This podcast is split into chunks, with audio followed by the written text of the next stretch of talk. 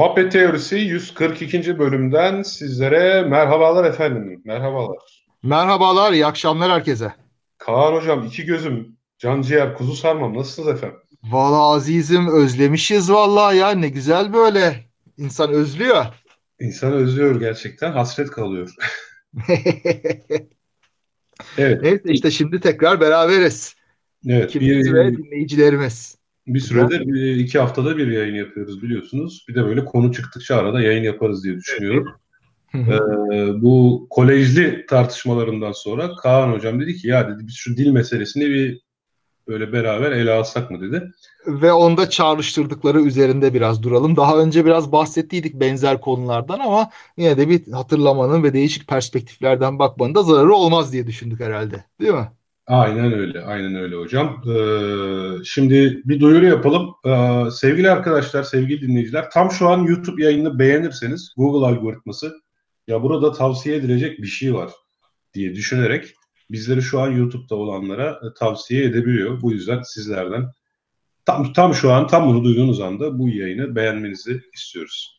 Evet. Twitter'da yaymanın da bir zararı olmaz kesinlikle. Evet, tabii. Hiç Diğer yani... arkadaşlar da gelsin. Aynen öyle, aynen. Konuya biraz girelim istersen.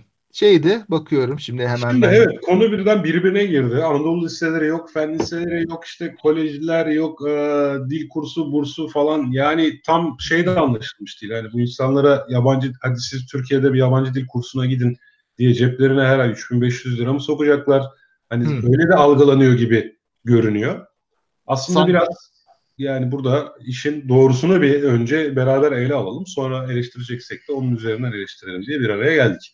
Evet. Şimdi Yekta Sarac'ın YÖK Başkanı'nın e, paylaştığı bir duyuru vardı. YÖK Yabancı Dil Eğitim Bursu 2019 yılı başvurularından bahsediyor bu duyuru. Şimdi onu bir göz gezdirirsek Yekta Sarac'ın kendi Twitter akışından da bulabilir e, meraklılar. Şimdi anlaşılan 2018 yılında ilk çağrısı yapılmış bunun e, doktora derecesine sahip araştırma görevlisi, öğretim görevlisi veya doktor öğretim üyesi kadrolarına yönelik devlet üniversitelerinde sadece. Bunlar işte belli burslara başvurmuşlar. İngiltere, Amerika, Kanada, Malta, Almanya, Fransa gibi e, ülkelerde uluslararası akreditasyona sahip dil okullarında katılıyorlar dil eğitimlerine. Evet yani orada bir 2018 yılında zaten bu yapılmış. Bu yeni bir şey değil. Biz evet, biraz yeni 6 ay arasında bir destek veriliyor bunlara evet. burs olarak. Yine 2019 yılında da aynı şey çağrı var. Ee, ve bakayım şartlara da bakarsak son 5 yıl içinde Türkiye'de yapılan işte sınavlar GÖKDİL, YDS, EYDS veya ÖSYM tarafından eşdeğerliği kabul edilen vesaire. En az 45 veya en fazla 70 puan aldığını belgeleyecek kişi. Ondan sonra e, doktora derecesine sahip olması lazım. Ama doktor öğretim üyesine kadar doçent ve üstü olmuyor. Başvurabilir bunlara. Evet şunu da söylemek istiyorum. Sadece İngilizce de değil, İngilizce, Almanca ve Fransızca. Yani e, ülkeler sınırlı e, üç dil İngilizce, Almanca ve Fransızca eğitimleri için e, ve herkes de değil işte son 5 yıl içinde YÖKDİL, YDS, EYDS ve ÖSYM tarafından o sınavlardan işte bildiğimiz sınavlar var ya onlardan 45 ila 70 arasında alınması lazım. Şimdi evet. hocam burada zaten bir garip bir çelişki var galiba. Epeyce garip durumlar var. Şimdi doktorasını almış ama yabancı dil sınavı bu kadar düşük olması bana mevzuata bir kere bir aykırı gibi geliyor. Çünkü doktorayı bitirmek bitirmek için işte bu atanmalar vesaire için zaten 55 puan isteniyor bu sınavlardan. 45'e kadar inmek yani en az 45 demek bir acayip bir çelişki var burada demek ki. Nasıl olmuş da bu insanlar 45 puanla gelebilmişler bu pozisyonlara? Demek ki ya çok evvelden girmişler. O, o zaman sınavları çok iyi hazırlanıp ancak 55 almışlar. Zaman içerisinde yani bir daha sınava girdikleri zaman e, biraz performansları düşmüş ve bunlar da hesaba katılmış galiba. Ya bilemiyorum. E, belki ama ne kadar zaman önce ve biliyoruz ki yakın zamana kadar bu puan eşiği daha da yüksekti. 70'te falan da. 70'te indirildi galiba. 2018 Nisan'ında e, yönetmelikte bir değişiklik oldu. Biliyorsun o zaman o, o zaman da bu konuyu konuşmuştuk bu arada. Hı, ee, evet. O zaman doçentlik kriteri 70'ten 55'e çekilmişti. Doçentlik için yabancı dil kriteri. Evet. Yani tabii o zaman da herhalde konuşmuştuk. Elbette şimdi her alanda yabancı dil mecburiyeti istenemez. E, ne bileyim işte folklor çalışması yapıyordur, Anadolu'yu dolaşıyordur, resim üzerine çalışıyordur ya da işte spor falan çalışıyordur. Tamam illaki yabancı dil olmasını istemezsin. Hatta Ama belki adam e, Papua Yeni Gine üzerine çalıştığı için oranın yerel dilleri üzerine harcamış hayatını belki de. Tabii. Yani çok spesifik alanlarda. Ha, ama öte yandan e, pek çok alanda da aslında uluslararası bilimsel iletişim dili İngilizce olduğu için yani Papua Yeni Gine çalışanlar da kendi aralarında İngilizce konuşuyorlar. O bakımdan e, işte İngilizce evrensel bir şey. E, tabii bir, bir ölçüde Almanca ve Fransızca da var. Yani yabancı dilde akademik çalışma deyince bunları anlıyoruz aslında. O yüzden de yani pek çok kişinin bazı istisnalar hariç bu işi iyi bilmesi şart başka çaresi yok. Şimdi dinleyicilerimizden Gökhan Özkan aslında ilginç bir soru yani daha doğrusu önermede bulunmuş. Hı hı. Çünkü bu duyurudan ilk bakışta anlaşılmıyor. Hı. Ama şöyle söyleyelim tabii Gökhan Özkan'a. Gökhan Özkan galiba tamam bu duyurundan anlaşılmıyor ama ee, Yekta Saraç'ın tweetinden iyi kötü böyle anlaşılıyor. Gökhan Özkan demiş ki ya belki de İngilizce hani asıl yabancı diliniz ama hani sonuç itibariyle bu burstan Almanca ve Fransızca için faydalanabilirsiniz. Hani belki de onlar kastedilmiştir diyor. Kendisi de bu duruma şüpheyle yaklaşıp ya bilmiyorum mantıklı hale getirmeye çalışıyorum diyor. Hani Vallahi... zaten mesela şu an seni ele alalım. Sen İngilizce iyi zaten. Diyelim ki Fransızcadan da 45 alacak kadar iyisin. Ha. Hadi Fransızcasını da geliştirebilsin bari bu adam diye veriliyor. Olabilir mi burs? Valla o tür durumda olup da başvuran tabii vardır. Yani bu, bu duyurunun ben bunu dışladığını düşünmüyorum. Ama e, gerçeklere de bakarsak yani şu anda akademisyenler içinde kalite epeyce düştü bilgi seviyesi, dil seviyesi olarak. Ve geçmişe de baktığımızda bu dil puanları gitgide düşürülüyor ve işte düşük puanla kabul edip ondan sonra kadroya alındıktan sonra hadi bir gayretle bunları yükseltmeleri yükseltsinler falan çabası gibi geliyor bana. Şimdi yani, düşük kaliteyle kabul ettik. Ondan sonra kabul ettikten sonra kadrodayken bir burs verelim de bari kendilerini geliştirsinler gibi bir şey var sanki. Evet çünkü zaten ben de Gökhan Özkan adlı dinleyicimizin dediği gibi olsaydı eğer e, özellikle ve özellikle ikinci yabancı dillerini diye vurgulayacaklarına inanıyorum. Yani saat ondan olsaydı. Tabii muhakkak. Yani Türk devleti mevzuat yazarken çok dikkatlidir. Her türlü istismarı çok iyi bildiğimiz için milletçe. Yani, projeler, başvurularda bilmem ne de şu şu şu öyle olacak, şöyle olacak, böyle olacak. Her her türlü ayrıntıyı düşünürler. Şeytan gibiyizdir çünkü her açığı bulduğumuzda yakalarız. Bu arada yayınımızı açınca da Biner Yıldırım reklamı konuşuyor. Bir şey çıkıyormuş ya. Bize reklam vermişler herhalde. Hadi bakalım. İyi peki. Binali Yıldırım'ı ne, ne konuşuyorsa artık bu kadar çekingen bir adam yani bana oy vermeyin diyordur diyor her haliyle. Ne reklamı çıkıyor artık bilemem. Valla adam kaybetmeyi oynuyor gibi geliyor bana da. Çok enteresan. Neyse reklamları başka yerden planlıyorlardır muhtemelen. Hı. Şimdi bu tartışmayla beraber e, alevlenen başka bir tartışma oldu aslında biliyorsun. O da Deniz Ülke Arıboğa'nın e, biraz hatalı genelleme yaparak hani bu mevzuyu eleştirenler belki de öncelikle ondan bahsedelim. Ya bu mevzu neden eleştiriliyor zaten? Onu bir konuşalım. Ama bu mevzuyu eleştirenleri böyle artık ülkenin hemen her yerinde insanları işte elitist, kolejli, Türkiye'nin kaymağını yiyenler ve işte bundan mahrum olanlar diye ikiye ayırma genel yaklaşımına da uygun bir tweet atarak hı hı. E, tam olarak söyleyelim. YÖK'ün yabancı dil geliştirme bursunu dillerine dolayan kolejli dostlara bir diyeceğim var. Herkesin anası babası evladını kolejlerde yurt dışında okutamayabilir. Yapılan yabancı dil sınavı geçilse yani belli düzeyde yabancı dil bilinse bile pratik ayrı bir ihtiyaçtır bilginize demiş. Hı. Şimdi evet. Argümanın ikinci yarısı anlamlı. Hı hı. Yaban, yani yapılan yabancı dil sınavı geçilse bile insanlar yabancı dillerini geliştirmek isteyebilirler pratik ayrı bir ihtiyaç olabilir. Yani yurt dışına 2-6 ay insanların 2 ay 6 ay kursa gidip hı hı. E, daha sonra gelmeleri yani dolayısıyla pratik e, kabiliyetlerini geliştirmeleri herkesin isteyeceği bir şey. Doğru mu? Tabii ki. Bu argümanı safsata haline getiren şey YÖK'ün yabancı dil geliştirme bursunu dillerine dolayı kolejli dost, dostlar şeklinde bir hitap galiba. Evet. Valla sen bu işin kitabını yazdın daha iyi bilirsin ama bu bana tam böyle adam karalama gibi geliyor. Strawman'i evet. var, bilmem nesi var, hepsi var. Benzetmeli adam karalama ya da işte durumsal adam karalama. Yani insanlar kolejli oldukları için sanki kendi sahip oldukları imkana başkaları sahip olmasın istiyormuş gibi. Ya da işte burada sanki her e, karşı çıkan kolejliymiş gibi ya da buna karşı çıkmanın gerekçesi kolejli olmakmış gibi bir ima var. Şuradan kolejli kelimesini çıkardığımız zaman hı hı. bu o kadar da sorunlu bir tweet olmaz değil mi? Mesela bak kolejliği çıkararak okuyorum abi. Hı hı. YÖK'ün yabancı dil geliştirme bursunu dillerine dolayan dostlara bir diyeceğim var. Hı. Şu aradaki herkes anası babası evladını kolejlere de çıkıyor. Orayı da çıkarıyorum.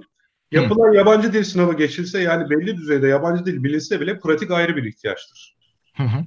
Bu tweet böyle gayet güzel değil mi? Belki benim bile altına imza atabileceğim bir şey olurdu. Şey, hani eh, o 55 yani... kenara bırakıyorum. Ya insanlar yabancı dil sınavını geçse bile her isteyenin evet. YÖK tarafından ya ben 2-6 ay pratik yapmak istiyorum. Dilimi geliştirmek istiyorum diyerek yurt dışında bir dil kursuna gitmesi ve bunu kamu tarafından finanse edilmesi o kadar da problemli bir şey olmazdı. Şimdi tabii e, meselenin asıl özünü ıskalamasını bir yana bırakırsak evet bu şekilde ifade ettiğinde çok sorun olmuyor. Ama işte özünü orada biraz kaçırıyor. Şimdi şeye de gelirsek bak Cem Say Hoca da aramızda bu arada çok güzel bir katkıda bulundu. Matematik bilmeyen hocalara da matematik bursu verilsin o zaman kadrolara atandıktan sonra gibi. Şimdi ha, buradaki problem şu. Evet. E, asli görevin olarak yani iş tanımının bir parçası olan bir yeteneğe sahip olmadan insanlar belli kadrolara atanıp ondan sonra bu eksiklerini tamamlasınlar diye burs vermek devlet kesesinden bir aksaklık, bir ciddi bir sorun bu yani bu şekilde olacak bir şey değil bu. Evet. Ee, bu halde hangi durumda mümkün olurdu? Onu söyleyeceğim. Şeytanın avukatlığını yapacağım. Aslında şeytanın avukatlığı değil, mantıklı bir şey söyleyeceğim. Heh. Diyelim ki biz Kamboçya'yız. Ki bence 10 sene sonra öyle olma potansiyelimiz var. Yani eğitimle herkes ya ölmüş ya boyu terk etmiş. Hı hı. Ülke yeniden inşa edilmeye çalışılıyor ama elde elde yeteri kadar yabancı dil bilen adam yok. Mecburen almışsın. Sana çünkü şey lazım. Doçent lazım ama İngilizce bilen adam başvurmamış yani. Tamam. Okey. Tabii ki. Böyle bir durumda çok mantıklı. Tabii. Ama öyle bir durumda değiliz tabii. Yani, Ama öyle bir durumda değiliz evet. Aynen öyle. Şimdi hiç lafı eğip bükmeyelim. Gerçekten şu anda Türkiye'de nitelikli akademisyen kıyımı var. Heh, Pek çok iyi. yetenekli, bilgili, dil bilen, işini bilen, kendi disiplinine hakim insanlar dışlanıyorlar, işten atılıyorlar, e, e, aç ekmeksiz bırakılıyorlar. Buna karşılık çok da nitelikli olmayan kişiler sadece belli çevrelere dahil oldukları için atanıyorlar. Bu bir. İki, Türkiye'de şu an pek çok kişi güvenlik soruşturması denen şeyden geçerken ne yediği belirsiz kendisine açıklanmayan nedenlerle işe alınmıyor. Nitelikli olmalarına rağmen. Aynen öyle. Bunun yerine onun bunun akrabası mülakatlarda vesairede sonuncu olmalarına rağmen işe alınıyorlar. Diğer adaylar bunun için şikayet başvurusunda bulunduklarında rektörlük duruma el koyacağı yerde hı hı. listeyi sitesinden kaldırıyor mesela. Ha, mesela tabii. Şeyde e, hatırlarsın birkaç sene önce vardı bir konsolosluğa işte bir memur atanmış da ondan sonra böyle e, dil eğitimi için ona da ayrı ödenek at- verilmişti böyle. Dış işlerinden atanan memur dil bilmeden atanmış da öğrensin diye. Böyle bir gariplikler var işte bizimki bizim olsun ama bilgisiz olsun biz ondan sonra bir sürü para akıtır bir şeyler öğretmeye çalışırız gibi. Ha şimdi akıtılan paraya da bakarsan şimdi e, TL olarak büyük ayda 3500 lira. Ama yurt dışında bir kursa gittiğin zaman bu aslında komik bir para. 350 lira şu anda 700 lira bile 700 dolar bile değil. Yani yurt dışında nereye gideceksin de 700 dolarla kurs parasını ödeyeceksin bir de geçineceksin yani bu e, mümkün değil. Kendi birikiminden yemek yemeye hazır olacak kadar idealist de pek fazla yoktur herhalde. Yani biraz dil puanımı yükselteyim diye. Hele bunu zorlamıyorsan. Yani ya bunu geçersin ya da atılırsın işten diye bir şey dediklerini de zannetmiyorum. Bu sadece böyle bir e, güzellik yapılıyor. Yani işte bazıları diyor ki işte bu işte geçsinler yurt dışında gelsinler parası gibi bir şey yani e, en niyet o olmasa bile ona dönebilir. Çünkü elinde sonunda bir değerlendirme olmayacak ki sen bu parayı neye harcadın bakayım iyi öğrendin mi? Ona göre bir görelim bakalım demeyecekler ki. o bir. İkincisi de daha tuhafı Malta'nın listede olması. Yani hani İngiltere'nin, Amerika'nın, Fransa'nın, Almanya'nın listede olması anlaşılabilir. Zaten bu ülkelerde yani e, ne bileyim. Gerçi bilmiyorum Malta'nın ana dili ne ya? Bilen varsa söylesin. Ya Malta Malta'da İngilizce de resmi dillerden birisi. Malta böyle dil okullarıyla çok meşhur bir yer. Ha, şimdi dil okullarıyla meşhur bir yer değil aslında işte. Dil okulu adı altındaki tatilleriyle meşhur. Tamam mı? Öyle mi? Evet evet yani şimdi ya mutlaka oraya dil okuluna gidip fayda gören olmuştur. Ona lafım yok da Malta bu işi turizme dönüştürmüş durumda. Mesela şu an Google'a Malta dil okulları yazdığınız zaman karşınıza çıkan bir siteye girdiğiniz zaman Malta dil okulları ile ilgili işte şehir e, görüntüleri zaten turistik görüntüler yani. Hani ha ETS tura girmişsin, tur bakıyorsun. Ha Malta dil okuluna girmişsin. Dil bakıyorsun yani hani e, eğitimin niteliğini, kalitesini ortaya koyan değil de işte adadaki otobüs, bisiklet, şehir turları işte e, ondan sonra güzel otantik mekanlardan falan bahsediliyor daha çok. Anladım. Yani peki onu bilmiyordum ben. Yani ciddi böyle bildiğim e, kişisel olarak da tanıdığım insanların oralarda dil kursu düzenlediğini bildiğim için güveniyordum ama dediğini tabii mutlaka vardır. Şimdi ben genelleyemem. Genellersem hata olur. Ee, ikincisi de mesela fiyatlar konaklama dahil şu an baktığım bir yerde hı hı. E, eğer yurtta konaklayacaksan 4 haftalık 1100 euroymuş. Yani hı. o 3500 TL'yi 500 euro varsayarsak ya da 600 euro varsayalım. 600 olmaz. 500 belki 400. E, evet aynen. 500, yok 500 de olmaz. 7 lira değil şu anda. Hı. Yani 550 euro desek neredeyse neredeyse buradaki 4 haftalık kursun yarısı eğer 24 hafta da var burada. 24 hafta 6 ay yapıyor ve şeyde e, 6 ay zaten bursun maksimum süresi. Hı. Yani 6 aylık giderseniz 4250 euroymuş. Biz az önce 550 euro hesaplamıştık. Hemen hemen tamamını karşılayacak boyutta. Hı, öyle anladım. Konaklamada dahil. Yani aslına bakarsan Malta gibi bir yere gidersen bu burs hemen hemen şeyi karşılıyor. Üzerine bir, bir miktar daha vermen gerekiyor. Hmm. Şey Şafak Öksüzer ben mi yanlış bakıyorum 2500 lira demiş. O 2018. 2019'da bu 3500 liraya çıktı. Bu bir. İkincisi de Malta'nın ana dili bu arada Arapça, Almanca, Flemenkçe karışımı bir dilmiş. Maltaca ve İngilizceymiş. Şurada bir ha Kenan Gürol demiş ki hocam yabancı dil kursları günlük konuşma dili öğretecek ama bir akademisyen için yabancı dilin en önemli kısmı terminoloji değil mi? Ya şimdi öyle de olsa. Doğru bir nokta evet. Bence çok değil hocam. Terminolojiyi iyi kötü gene öğrenirsin ama sadece olay makale yazmak değil, uluslararası şeylere katılıyorsun, meslektaşlarınla tartışıyorsun. Hı hı. Yani günlük dilin o kadar önemsiz olduğunu söyleyemeyiz. Artık günlük dili bilmek akademik makale okumaya da katkıda bulunacaktır yani. E doğru, doğru. Yani tam o kadar o kadar ayırmaya gerek. Terminoloji iyi kötü öğreniliyor abi. Ya bütün bütün doktorlarımız tıbbi terminoloji öğreniyor. Hiçbiri Latince konuşmuyor. tamam. Ya tamam ama şey yapmayalım. Konuyu dağıtmadan biz asıl pozisyonumuza dönelim. Şimdi e, insanların İngilizce öğrenmesi akademisyenlerin ve benzeri e, uluslararası dilleri illaki bir gereklilik. Ama bunun vakti doktorayı aldıktan sonra mıdır? Bunun desteğinin bu şekilde mi verilmesi lazımdır? Yani bu e, belki de asıl tartışılacak nokta. Yani dil öğrenmelerinin tartışılacak bir tarafı yok. Yani benim dediğim, benim pozisyonum bir kere bunun çok önceden halledilmiş olmasıydı. Doktor öğrenciliği zamanında bu verilse çok güzel, harika bir şey. Ama sen bir kere ya şimdi doktoraya kabul etmişsin ve İngilizcesi yeterli değil. Belki yayın bile yapamamış, uluslararası yayınlar yapamamış ve uluslararası yayınları takip de edemiyor muhtemelen bu şekilde. E, ama şimdi o zaman akademik kariyere başlamaması lazımdı bu insanın diyorum ben. Bir önceden bunun bu eğitimin verilmesi lazımdı belki do- doktora aşamasında. Orada onu geç kalmışsın bir. İkincisi bir hesap sorma da yok yani burada sen ne kadar öğrendin buna göre eğer öğrenmediysen bunun bir yaptırımı vardır diye bir şey de yok burada. Yani bir destek verdik tamam gitti geldi iyi. Ne oldu sonra bir sonrasını ölçmek var mı? Yok. Orada da bir aksaklık var yürümez yani. Onun, onun için diyorum. Terslik burada.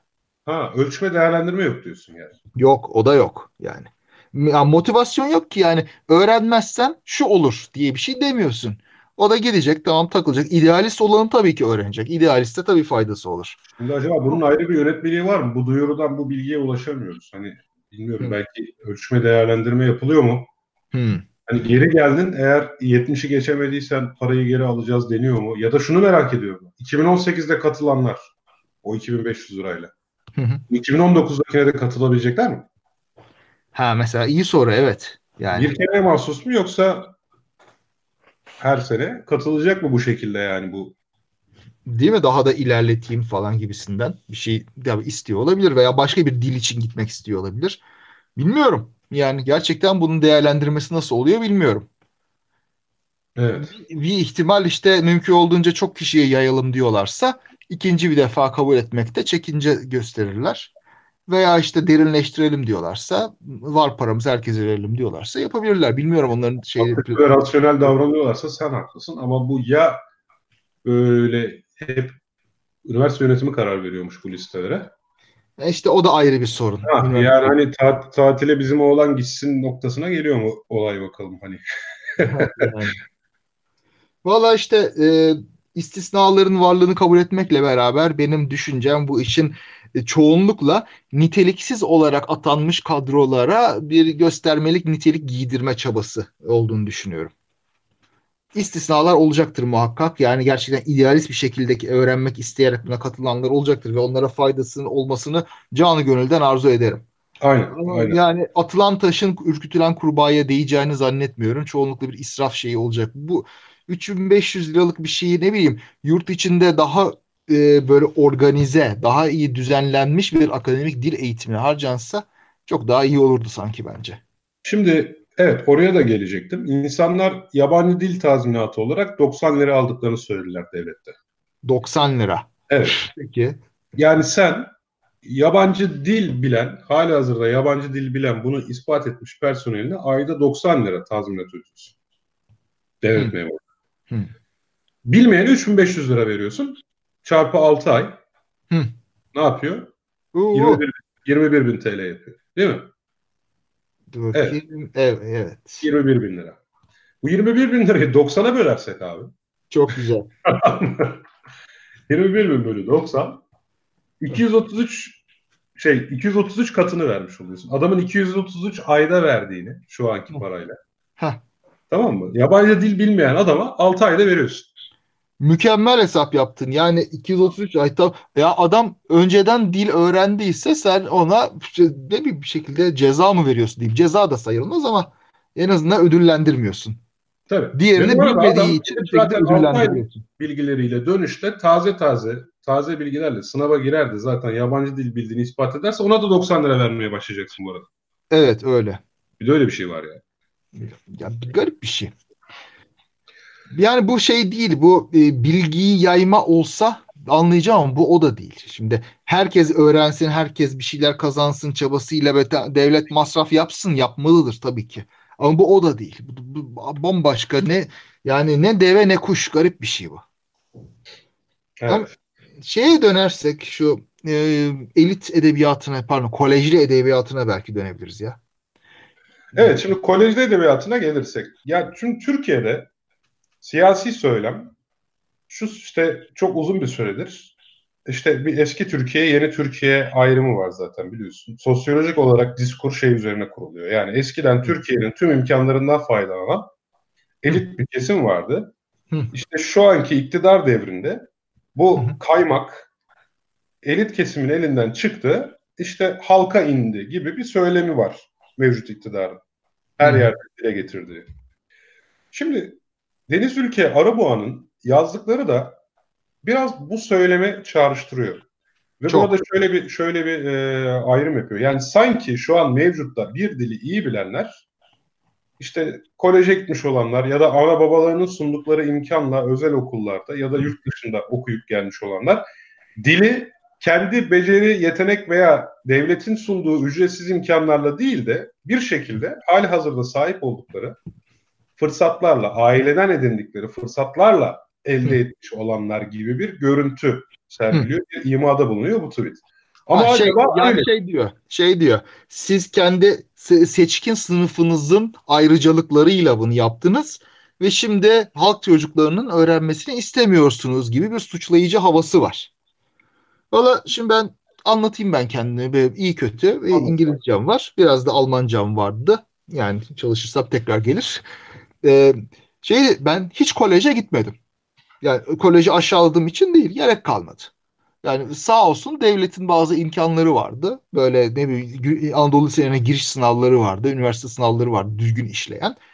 Yani li, e, ortaokulda, lisede, ilkokulda, üniversitede hep devlet okullarına gittim.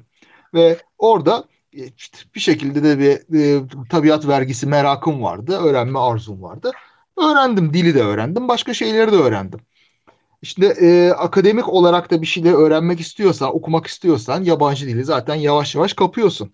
Hele şimdi yani YouTube'dan seyredersin, işte diziler seyredersin, altyazılı seyredersin, altyazısız seyredersin. Kaparsın bir şekilde ya. Yani burada bunun bir e, elitliğe, seçkin sınıfa, işte çekemezliğe, halk çekemezliğine bağlanacak bir durumu yok. Ya biz kolejlerde öğren, bir de kolejler bak, kolejler. Bu da enteresan bir şeydir. Böyle e, bir aşağılamayı da orada hissedersin, kolejler. Kendisi de tabii koleje gitmiştir bunu söyleyenin. Ama o açıdan eleştiremem tabii. Kendisi de gitmiştir ama başkası evet, o biraz şimdi ben şey, de onu de, de, isteyebilir. Gitmeyenler için isteyebilir. O yüzden orada eleştirecek bir tarafı yok.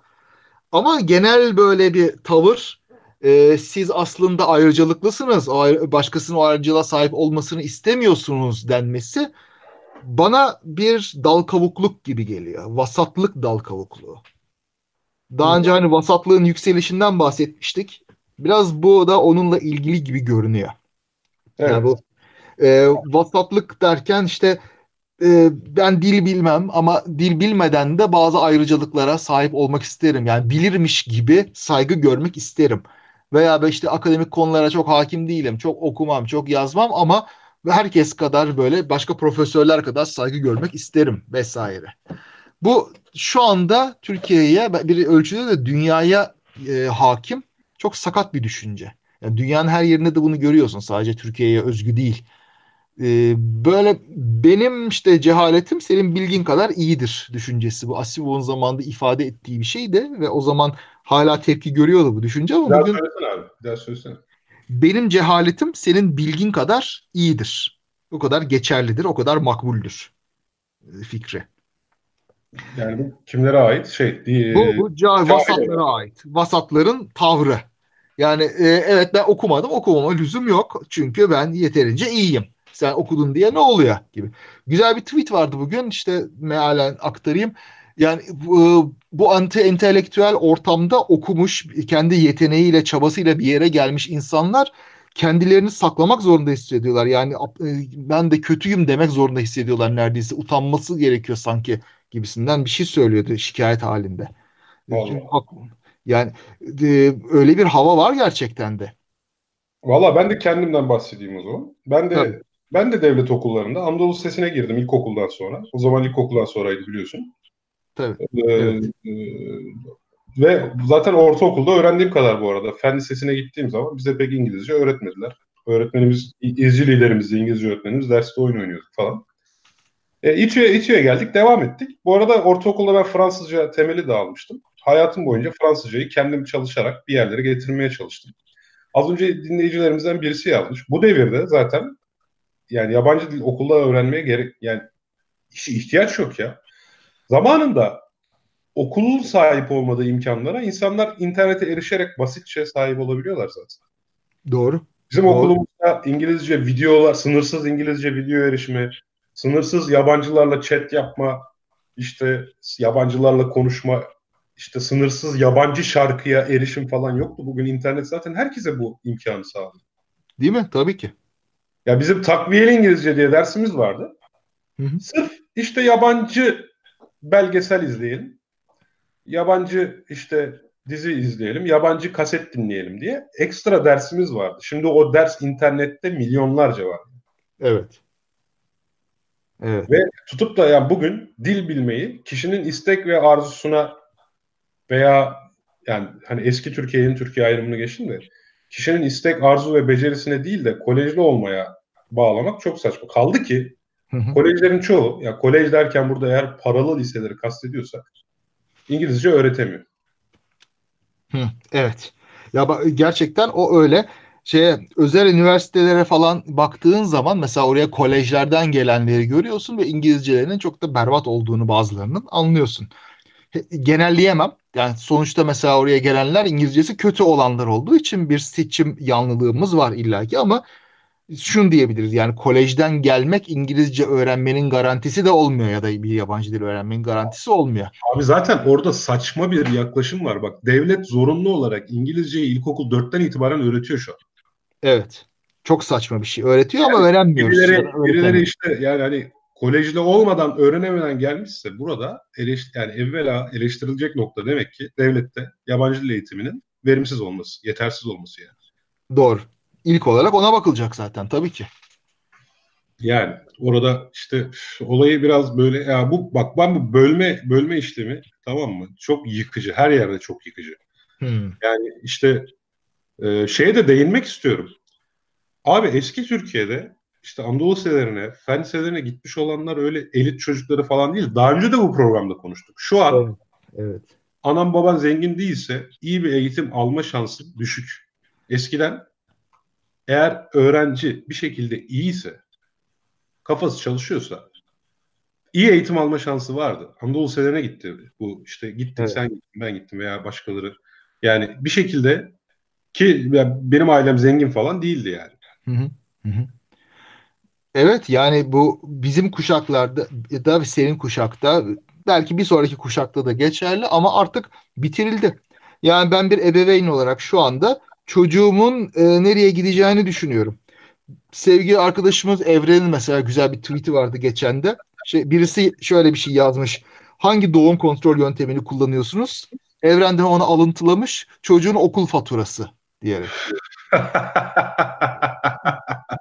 ya o kadar haklı ki. Yani şimdi bir, benim de benim için de bu gerçe geçerli yani çocuğu bu çocuğu nasıl yetiştireceksin nasıl okutacaksın nasıl meslek sahibi edeceksin iki ayak üstünde nasıl durmasını sağlayacaksın diye düşünüyorum.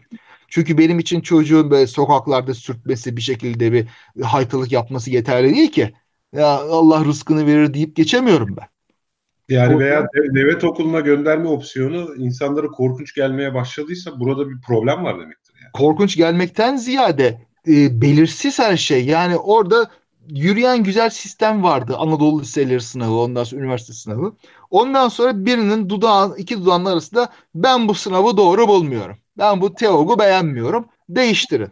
Hemen iki gün sonra aa evet biz de tam da onu değiştirmeye hazırlanmıştık zaten buyurun diye yersen böyle bir de, sistem değişiveriyor. Ondan Veya sonra başka bir şey. Velilerinin iradesine hiç başvurulmadan okulu bir gecede İmam Hatip'e çevirmek falan gibi. Aynen öyle. Aynen öyle. Ve e, iyi okulların da aslında e, böyle iktidara yakın zihniyetler tarafından dönüştürülmesi de işin içinde var. Yani evet, bu İstanbul Erkek Lisesi'nin falan veya Kadıköy Anadolu Lisesi gibi eski köklü okullarda şu an idare eliyle bayağı kültürel olarak değişim yaşandı. Evet. Çok... Evet maalesef İstanbul Erkek mezunları e, bağlantısıyla ben de öyle şeyleri çok duyuyorum. Cağaloğlu Anadolu Lisesi'nde oluyor. İşte başka yerlerde de muhakkak oluyor. Bir şekilde e, erişemediğini bozmak var şu anda maalesef iktidarda. İktidar kanadında. O yüzden de işte bu çocukları nereye göndereceğiz diye düşünüyorsun. Var olan şeyleri arttırmak, aynı kalitede başka okullar üretmek yerine hepimizi koleje mahkum ediyorlar aslında. Ve birkaç sene sonra yani bir kuşak sonra Arıboğa'nın dediği gerçekten doğru olacak. Yani sadece koleje gidebilen çocukların erişebildiği bir ayrıcalıklı sınıf oluşacak. Hmm. Ve burada çok ilginç bir ironi ortaya çıkıyor bak. Elitlerden şikayet eden, işte halktan kopuk, halkımız halkımız diye konuşanlar aslında e, fakir halkın, yoksul halkın seçkin sınıfa ulaşmasını sağlayacak yolları baltalamakla meşgullerdi yıllardır. Bozdular o yolları. E, şimdiye daha önce de konuşmuştuk. Şimdiye kadar köydeki bir çocuğun yükselmesi pek çok böyle e, yani sınıf değiştirmesi için pek çok yollar var diyor. Parasız yatılılar yok, okullar vesaireler. Şu anda onları çok çok bozdular. O imkanlar gitgide azaldı. Gitgide zorlaştı her şey. Ee, yani aslında elit sınıfı şu anda bu elitlerden sözde şikayet eden kesim yaratıyor.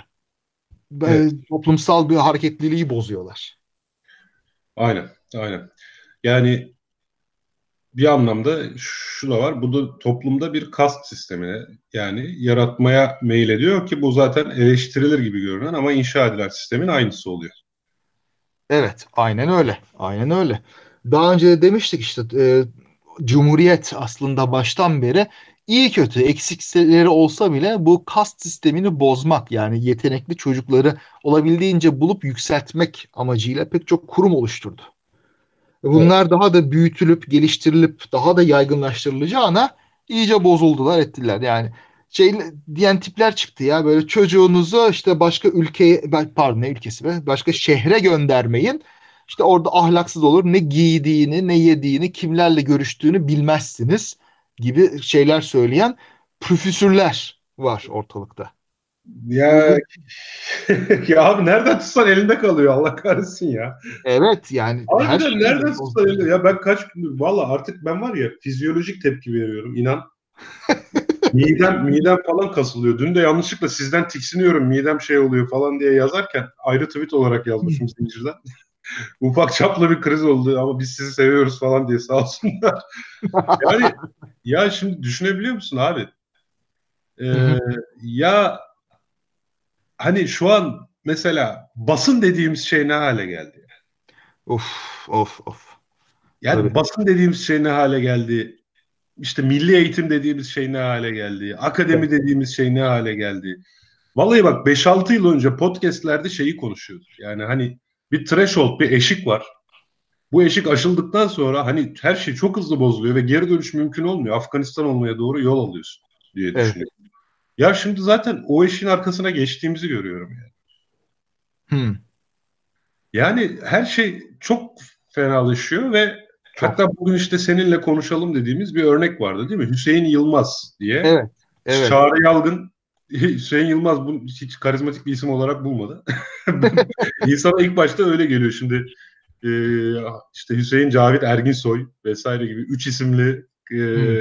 ya da Cahit Arf gibi enteresan soy isimli bilim insanlarımızın arasında böyle bir kenarda kalmış haberimiz olmayan benim evet. yoktu seni bilmiyorum ama haberimiz olmayan biriyle ilgili tweetlere rastladım ben de. İşte evet. tweet zincirini okuyunca hemen şüphecilik damarı kabardı. Ya acaba birini gene boşu boşuna abartıyorlar mı diye bakayım dedim. Gerçekten hikayenin doğru olduğunu gördüm. Evet çok ilginç bir hikaye. Evet. Ben rastlamıştım daha önce ama gözümün kenarıyla yani varlığını sadece duymuştum. Ee, şeyde eskiden çıkan bilim dergisi vardı. Onu Eylül 1983 sayısında Yılmaz Teorisi isimli bir yazı var. Orada Hüseyin Yılmaz'la yapılan röportaj var. Bu yaptığı işiyle ilgili bir özet var.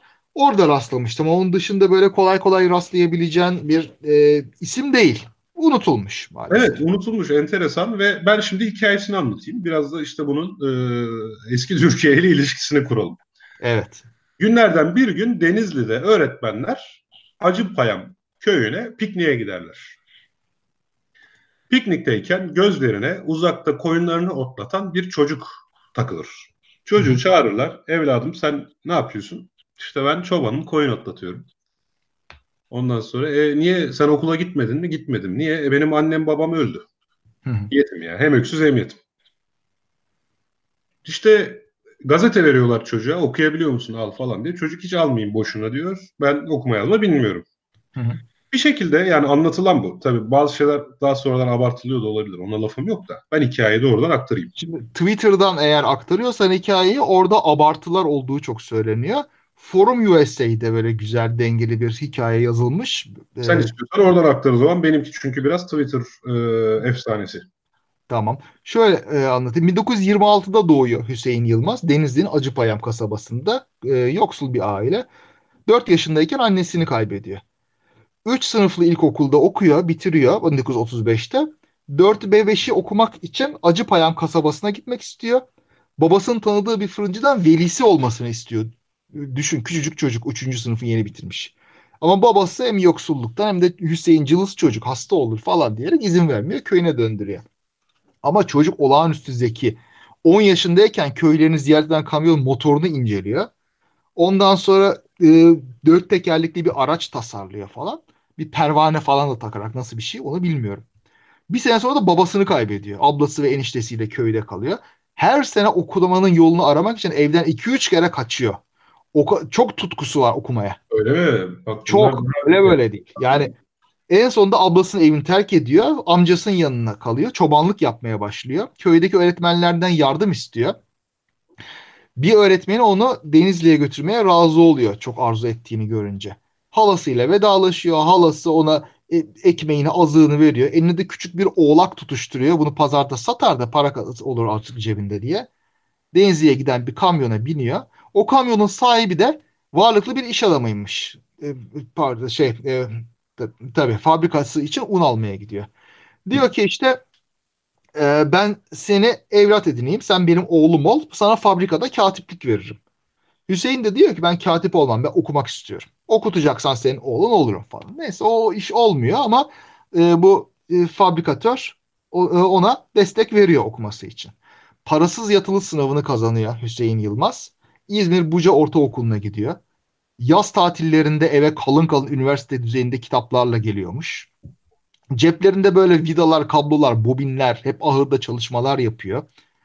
Şeye liseyi bitirdiğinde ailenin o fabrikası var ya o fabrikatörün fabrikası yanıyor.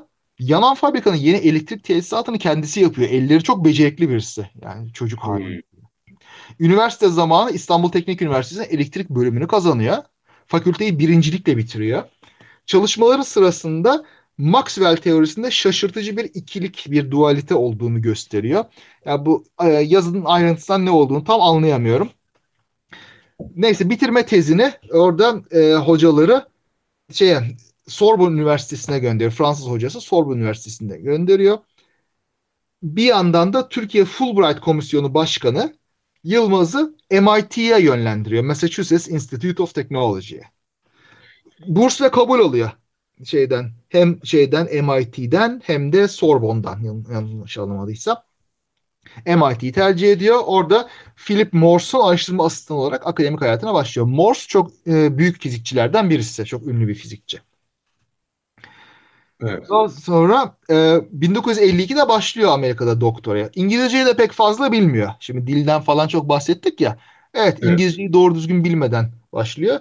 E, şey bunu ben şeyden okuyorum. E, forum.usa.com'dan. Ayrıca Evrim Ağacı'nda da var benzer hikayeler. Orada da gördüğüm kadarıyla evet e, neyse o, duyduğum başka bir şey burada teyit edebilir miyim diye baktım ama. Yani hikayeye göre e, hocasıyla o kadar anlaşamıyor ki hocasına diyor ki kara tahtaya yaz diyor. Hocası da konuyor yani Doktor Morse konuyor tahtaya yazıyor. Bizim eleman da Hüseyin Yılmaz hocamız da not alıp gidiyor. Ha evet ben de onu diyecektim ama teyit edebilir miyim bu okuduklarından diye baktım. Tamam onu bir hikaye olarak not almış olalım. Yani evet. çalışıyor ve çok hızlı bir şekilde doktorasını bitiriyor. İki yıl içinde bitiriyor doktorasını. Hatta bu işte olan... Twitter efsanesinde 3 ayda aslında bitirip geldiği söyleniyor ama Profesör Morse diyor ki bizim MIT usullerinde öyle 2 seneden önce doktora falan veremiyoruz biz. Senin çalışman çoktan bitmiş zaten. Sen git istediğin dersi al, takıl. 2 sene sonra gel, doktorunu al diyor. Ya ben zannetmiyorum MIT ve Amerika'da falan böyle kurallara çok bakmazlar. Bittiyse bitti derler tamam yani. Belki işte biraz bir şeyler öğren, yeni bir şeylere katıl falan demiş olabilirler. Bu kadar çabuk ayrılma, tecrübe biriktir demiş olabilirler bilemiyorum. Ya da çalışmasını hani doktora tezinin nispetinde yabancı dille yazamamıştır. Sadece formüllerle çıkıp gelmiştir. Hoca da sen bir dil öğren. Tabii. Hem bunu da metne dök falan demiştir yani öyle bir şeyler demiş evet. olabilir. Şimdi çok ilginç bir şey. Şimdi olağanüstü zeki bir adam olduğu anlaşılıyor. Ee, kütle çekim teorisi üzerinde özellikle de görelilik teorisi, genel görelilik üzerinde çalışıyor. Einstein'a e, rakip bir teori geliştiriyor. Ama bu e, yeterince iyi bir teori değil. Yani fiziksel olarak eksiklikleri var. E, o yüzden de pek kabul görmüyor. Alternatif. Evet, ama enteresandır. Yılmaz Gravity Theory yazdığınız zaman Google'a Hı hı. Hala ben 96 yılında falan da makaleler gördüm. Hı. Hala hala bir şekilde makalelerde atıf yapılan, bahsedilen Yılmaz Gravity teori kapsamında şu olayın incelenmesi şeklinde Hı. makalelere rastlıyorum. Hmm, demek ki kıymetli bazı tarafları var tamamen. Ya da kendi doktor öğrencileridir belki şimdi hani ondan emin olamadım. Ha bu, bu zamana kadar kalmaz o doktor öğrencisi. Yani kendisi de çok fazla takip etmemiş zaten. Daha sonra böyle daha uygulamalı alanlara dönmüş olduğu anlaşılıyor. Ee, mesela 62'de MIT biyoloji bölümünde araştırmalar yapmaya başlıyor. İlginç yani fizikçi olarak biyoloji bölümünde. NASA'da bir projede çalışıyor. Konuşmaları kodlayan elektronik bir cihaz geliştiriyor. Bir sesli komut sistemi o, o geliştirilmesi aslında bu. Yani bugün işte OK Google diyoruz, işte Siri falan diyoruz ya. Onların böyle dedesinin dedesi gibi bir teknoloji anlaşılan yani ona bir ilk başlangıç yapmış ve duyma engelli çocuk ve yetişkinlerin konuşmalarını işte geliştirmek için de bunu kullanmış bir gazete kupürü var burada. Bir e, doğuştan sağır olan bir kız mikrofona konuşuyor ve osiloskoptaki bir elektronik noktaların nerede olduğuna bakıyor. Böylece işte konuşmayı kodlamak, elektronik kodlamanın ilk adımları olmuş oluyor. Bu çok büyük bir şey tabii. Evet yani bu arada onu da aratmasını yaptım. O şeyleri teyit edeyim derken işte Hüseyin Yılmaz Voice Recognition ya da Voice Command gibi NASA'nın Hüseyin Yılmaz'ın bu çalışmasına da atıfta bulunan bir evrakına rastladım. evet. Tabii. Sonra e, bakalım pek çok değişik konularda ARGE çalışmaları yapıyor. 1990'larda Tufts Üniversitesi ki iyi üniversitelerden de elektrooptik araştırma merkezinde çalışıyor. Japonya'daki Hamamatsu Fotonik şirketine katılıyor. Hamamatsu böyle opti, optoelektronik, fotonik falan konusunda dünyanın en büyük şirketlerinden bir tanesi. Yani dünyada bilimin zirvesine çıkmış diyebiliriz. Şimdi Einstein'ı çürüttü falan gibi iddialar tabii çok basitleştirilmiş yani ciddi alınacak tarafı yok ama e, çok büyük bir beyin, çok büyük bir zeka olduğu anlaşılıyor. Gerçekten evet. bilimin zirvesine çıkmış o açıdan. Evrim ağacında bir de 1960'larda Edwin Land'in evrim teorisiyle ilgili görüşlerinden yola çıkarak renk algısına yönelik yeni bir evrimsel teori geliştirdi diyor. Yani bir şekilde hmm. e, o alanlara da girmiş. Evet. Yani e, çok önemli noktalar bunlar. Büyük bir insan. Yeterince tanımıyoruz. Hayatını orada geçirmiş. 2013 yılında da ölmüş. Evet. Güzel, zengin bir hayat yaşamış. Yani hiç duymamış olmam, yani daha düne kadar hiç duymamış olmam diyeyim. Benim garibime gitti. Ee, enteresan yani. Keşke duymuş olsaydık. Evet. Bir moral verici bir tarafı da var işte. Yani başlık çobanlıktan NASA'ya uzanan bir hikaye diye. Gerçekten de öyle. 12 e, yaşına kadar okuma yazma bilmediği söyleniyor. Yani olağanüstü zeki bir insan işte 12 yaşından sonra okuma öğrenip dünyada bilimin zirvesine çıkabilmek olağanüstü bir zeka göstergesi. Evet gerçekten. Şimdi buradan mesela ne çıkarabiliyoruz? Şimdi burada e, bunu yapabilmek için kolejli olmak gerekmiyordu Türkiye'de. Bunun için işte fakir bir çocuk bile evet hepsi bu kadar şanslı olmayabiliyor. Hepsi bu kadar dirayetli olmayabiliyor ama bu şekilde bir ilerlemesi mümkün olmuş Türkiye'den onun. İTÜ'ye gidebilmiş köyünden çıkıp parasız yatılı okumuş. Ya bugünkü bu neoliberal ortamımızda bu parasız yatılılar ne kadar kaldı bilmiyorum. Ama ihtiyacı karşılayamadığından eminim. Parasız Ondan... yatılı kaldı mı ben emin değilim ya. Eskiden devlet parasız yatılı sınavları vardı. Artık öyle bir sınav yok galiba. Duymuyoruz hiç duymuyoruz ama belki bir bilmiyorum. Yani en azından işte yeteri kadar olmadığı anlaşılıyor. Daha çok olması gerekiyor. Varmış. Parasız yatırılık ve bursluluk sınavı diye bir e, sınav başvurusu açık şu an. Yani gördüğüm kadarıyla 2019'da da var yani bu sınav. Hı hı. Ee, evet. Eskiden evet. mesela fen lisesini kazandığımız zaman devlet parasız yatılı sınavında otomatikman kazanmış oluyorduk. Yurtta ücretsiz kalıyorduk. Hmm. O güzel. Çok güzel. Evet. İşte bu bunlar e, üzücü şeyler. Bu şekilde işte ya şimdi nasıl diyeyim? Celal Şengör, İlber Ortaylı mesela elitliğin gerekliliğinden bahsederler. Şimdi elit kelimesi bana aristokrasiyi çağrıştırıyor. O yüzden onu ben çok tercih etmiyorum. Ama liyakat sahibi olmanın önünün açık olması ve liyakate sahip olanların yükselmesi yani meritokrasiyi savunmak e, benim tercihim. Ama kelime seçimidir o fark etmez. Şey ya. bir konuda daha çok böyle çalışmış, uğraşmış, çaba göstermiş, bilgi sahibi olmuş insanların başkalarından daha fazla sözü geçmeli, daha fazla el üstünde tutulmalı ve tercih edilmeliler. Bu bu kadar basit net bir şey. Bunu yaparsan işte bir toplumda bir toplum ilerliyor. Yoksa ilerlemiyor. Geri kalıyor. Yani e, tabii şimdi elitizm e... Şimdi elitizm kelimesiyle benim anladığım şöyle bir elit kesim vardır. Bu do elitlik doğuştan geçer ve başkasının da arasına katılmasına izin vermezler. Yani aristokrasi doğuştan geliyorsa. Evet. Ama eğer biz elitizmi yani rasyonel ve şey yetenek temeliyle veya bilgi temelinde ele alıyorsak bu zaten evet teknokrasi e, şeyler de aslında teknokrasi de sadece teknik konuları içerir de yani orada da bir tanım problemi var sanki. Ama Teknokrasiye yani, de çok ısınamam ben. Yani teknokraside teknik hesaplar yapılır. işte fayda e, analizleri yapılır. Maksimum fayda sağlanır ama burada bazı şeyler kurban edilir. Ölçülemeyen şeyler kurban edilir teknokraside. Ona da, ona da ben pek ısınamam. Yani bir baraj yapacağız diye sulak alanları yok edersin. İşte bize kuş lazım değil, elektrik lazım dersin ama orada bir bazı şeyleri geri dönülmez şekilde kaybedersin mesela. Şimdi, evet, bunu ama elit deyince şeye de karışıyor biraz. Ee, elit aslında seçkin demek Türkçesi. Evet. Yani seçkinler, Doğru. bir seçkinler sınıfı olması ve bazı şeylere bu seçkinlerin karar vermesi.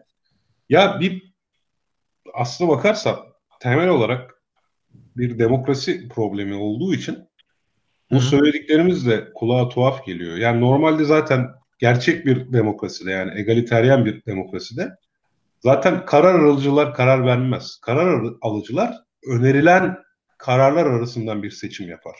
Hı. Kararı önerenler de uzmanlardır, STK'lardır. Anlatabiliyor muyum? Yani evet. E, evet. birisi ben bu konuyu daha iyi biliyorum, çat bu kararı verdim demez. Doğru. E, ben çok ideal bir demokrasiden bahsediyorum. Çok az ülkenin biraz yaklaşabildiği. Hani her türlü karar zaten işte tekrar edeyim STK'lar, uzmanlar, basın, halkın görüşünü aktaran diğer organlar. Ve şeffaf yani, şekilde yapılır ki hep bu tartışmalara açık olur bu. Herkes fikrini beyan evet. eder. Yani birbirine alternatif politikalar önerilir. Bu zaten kamuoyunda senin dediğin gibi tartışılır. Ee, kar- karar vericiler de, politikalara karar vericiler de bunlar arasından bir tercih yapar. Tabii ki bu tercihte yine politikacı kendi kişisel şeylerinden etkilenecektir. Ya da her zaman için bu karar teknokraside olduğu gibi aşırı rasyonel olarak hesaplanmış bir şekilde olmayacaktır. Senin dediğin gibi ölçülemeyen bazı değerler olacaktır. Bu değerler de politikacının ideolojisinden, dünya görüşünden ya da iktidarda olan ideolojiden elbette etkilenecektir. Hı hı. Ama netice itibariyle tek kişinin sabah kalkıp işte bu daha iyi demesinden her halükarda daha iyi olacaktır. Yani şimdi e, tabii ki orası öyle.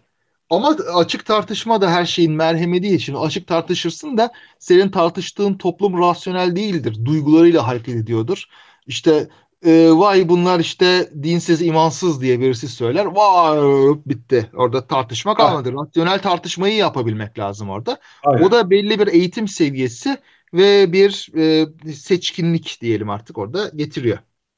Şimdi Tolga Mırmırık eliti TDK'dan paylaşmış. Seçkin benzerleri arasında niteliklerinin yüksekliğiyle göze çarpan üstün, mümtaz, güzide mütena. Yani buradaki tanımda gördüğümüz gibi seçkinlik niteliklerin yüksekliğine bağlanmış. Ki bu aslında kabul edilebilecek bir şey. Yani toplumun yararı içinde zaten bir konuda o konuda nitelikleri yüksek olanların karar vermesini isteriz. Biraz. E valla ne bileyim sevgili Tolga'ya itiraz etmek gibi olmasın ama TDK'yı da ben tam otorite görmüyorum. Ya o öyle demiş diye değil. İnsanların ne insanların ne çağrıştığına bağlı. Bana çağrıştığına İnsanların çağrıştığına bakarsak işte eliti millet çok yanlış da anlayabiliyor. O, o yüzden oraya bakamayız. Yani bir şekilde bir referansa ihtiyacımız var.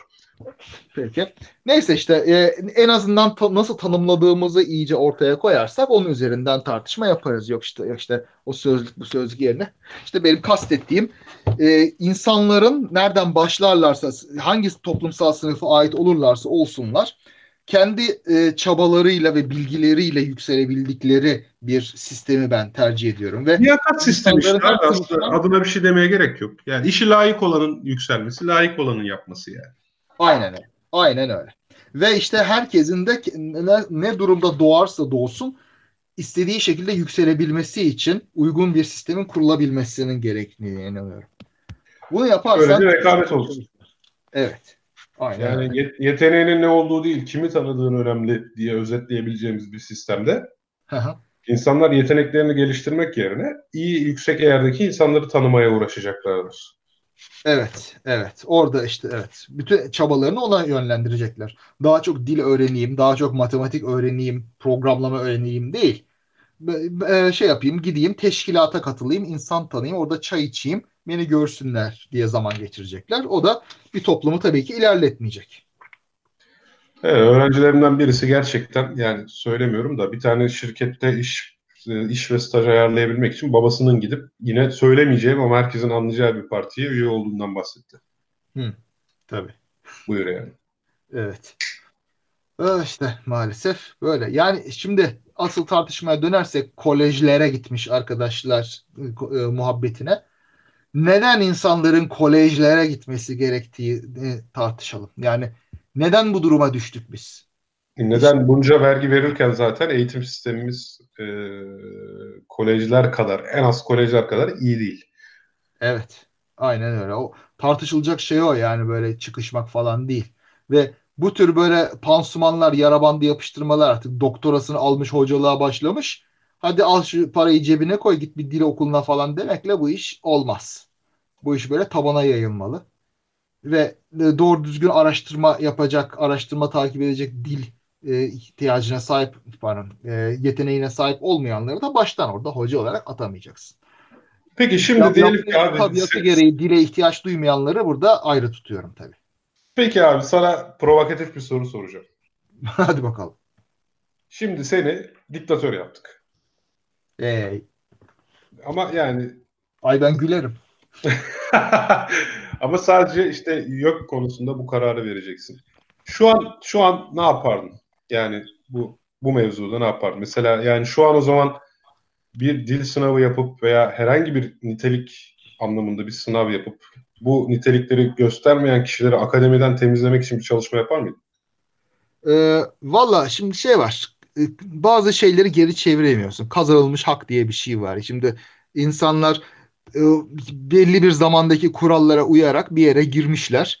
Onları böyle sokağa atıp aç bırakmak gibi adil olmaz. Abi Ama, bak ne, ne müthiş ne müthişsin ya. Yani gerçekten takdir ettim şu an. Öyleyimdir. çok, çok iyi bir diktatör. Ama ama bu demek değildir ki bu demek değildir ki onları başkalarıyla bir tutacağım. Yani ben yok diktatörü olursam yani bir kere bir kaldıracağım. bir kere yok kalkacak kardeşim. Yani orada e, yok daha da kötü hale gelmekten koruyor falan gibi şeylere ben inanmıyorum artık. E, bir kere üniversiteler şey hepsi bir olmayacak. Üniversitelerde bir özellik olacak ve kendi niteliklerini kendi yükseltecekleri bir sistem kurmaya çalışırım. Ayrıntılarını tam bilemeyeceğim. Onları artık istişareyle falan düşüneceğiz. Ama her profesör bir olmayacak, her üniversite bir olmayacak. Araştırma yapanlar ayrı tutulacak ki onlar da ne bileyim herhalde 10 tane falan olacaktır böyle iyi üniversite. Gerisi meslek yüksekokuluna dönüşecek. Ama oradaki hocalarını da rahat bırakmayacağım tabii ki. Onların da kendilerini geliştirmelerini sağlayacağım. Ha böyle burs verecek olursam o parayla ne yaptın, ne öğrendin bakayım falan diye de hesap soracağım yani. Başka türlü olmaz bu iş. Git evet. gez gel diye bir şey olmaz mümkün değil. Ama kendi isteyerek kendini geliştirmek isteyen hocaları mümkün olduğunca işte desteklemeye çalışırdım ben diktatör olsam. Valla abi ben şu anki YÖK'ü savunmuyorum tabii ki ya da YÖK sistemini savunduğumdan değil ama Türkiye'de yani Türkiye gibi toplumlarda ahbap çavuş ilişkilerinin her zaman her zaman yani e, sistemde olacağını düşünerek üniversiteleri kendi başına bırakmaya kalkarsak ilk rektörün sülalesiyle dolar gibi geldiği için bana. İşte o Yine durum... bir üst üst tamam. çatı kuruluş kurup bu gibi şeyleri evet. engellemek ama sadece bu gibi şeyleri engellemek üzere bir devam etmesini isterdim herhalde ya. Bilmiyorum. Engel engelleyemezsin abi. İşte bu hep Türkiye'de olan şey.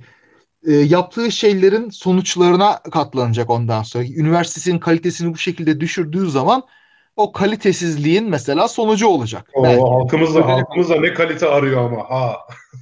halkımız şimdi şey var e, belki ödenek alamayacak. Belki başka bir şey olamayacak. İşte proje bulamayacak. Bilmiyorum onu düşüneceğiz. Yani her şey, diktatör de olsam her şeyi bilemem. ne yapayım? Bu arada bana danışırsın herhalde değil mi abi? Sana danışayım evet. Sonra sevmediğin şeyi söylersem kesersin kellemi. Mis gibi. Valla sallandıracaksın 3-5 rektörü bak bir daha yapıyorlar. Neyse abi bu program bizi e, soğuk odalara mahkum etmeden önce yavaş yavaş bitirelim. Tamam. Bir şey olmaz ya neyse. Evet, saat 10'u 5 geçiyor. Yok espri yapıyorum ya. evet saat 10'u 5 geçiyor. Bu program bitti. Haftaya bu pazar günü seçimler var bu arada. Enteresan ben hala seçim havasına falan giremedim artık. Valla pek yok ya. Hiç böyle bir seçim coşkusu yok. Garip bir şey var yani ortada ama hiç siyasete girmeyelim şimdi. Boş evet, evet, evet hiç girmeye gerek yok. Boş ver ya. Evet. Var mı diyeceğim bir şey abi? Valla yok. Şu an şeyi hatırlatalım. Bir sonraki cumartesi işte İTÜ'deyiz değil mi? 6 Nisan'da. Şey, onu, Evet. onu canlı yayınlamayacağız herhalde ama bir kayıt yapacağız. Herhalde o kaydı ondan sonra yayınlarız normal bir muhabbet teorisi şeklinde. Evet 5-6 Nisan'da bir etkinlik var İTÜ'de. 6 Nisan'da biz de orada e, can yani muhabbet teorisini bir anlamda orada yapacağız. Konumuz da e, uzay saçmalıkları olacak. Yani konusu bir şekilde astronomi olan e, yalan haberler, saf, safsatalar veyahut da işte e, sözde bilimler o gibi şeylerin üzerinden geçeceğiz. Onu muhtemelen ses kaydını alıp podcast kanalına atarız. Belki müsaade ederlerse canlı yayında yaparız. Yani o organizasyon ekibiyle danışmamız gereken bir şey arkadaşlarımıza. Evet. Ee, bakalım neler gösterecek. Yani sıradaki görüşmemiz her hal ve durumda önümüzdeki ayın 6'sında oluyor. 6 Nisan Cumartesi günü görüşmek dileğiyle diyelim. Evet. Çağlar Tüfekçi'nin bir fikri var. E, tekrarlıyor tekrar sağ olsun. Barış akademisyenleri hakkında bir e, konuşmamızı teklif ediyor. Bence fena bir fikir değil. Olabilir. Bazı yani barış akademisyenlerinde konuk alarak da onu yapabiliriz. Evet. evet. Ama çok daha iyi konuşuruz zaten. Evet, aynen öyle. Peki evet. o zaman artık vedalaşalım. Vedalaşalım. Hepinize çok teşekkürler. Ee, güzel bir program oldu sayenizde. Ee, en ilk, ilk fırsatta görüşmek dileğiyle. Evet, görüşmek üzere. İyi geceler herkese. İyi akşamlar herkese. Daha fazla bilgi edinmek isteyenler Tarihi Osmanlı Mecmuası'nın 3. cüzünün 1912. sayfasına bakabilirler efendim. Ah,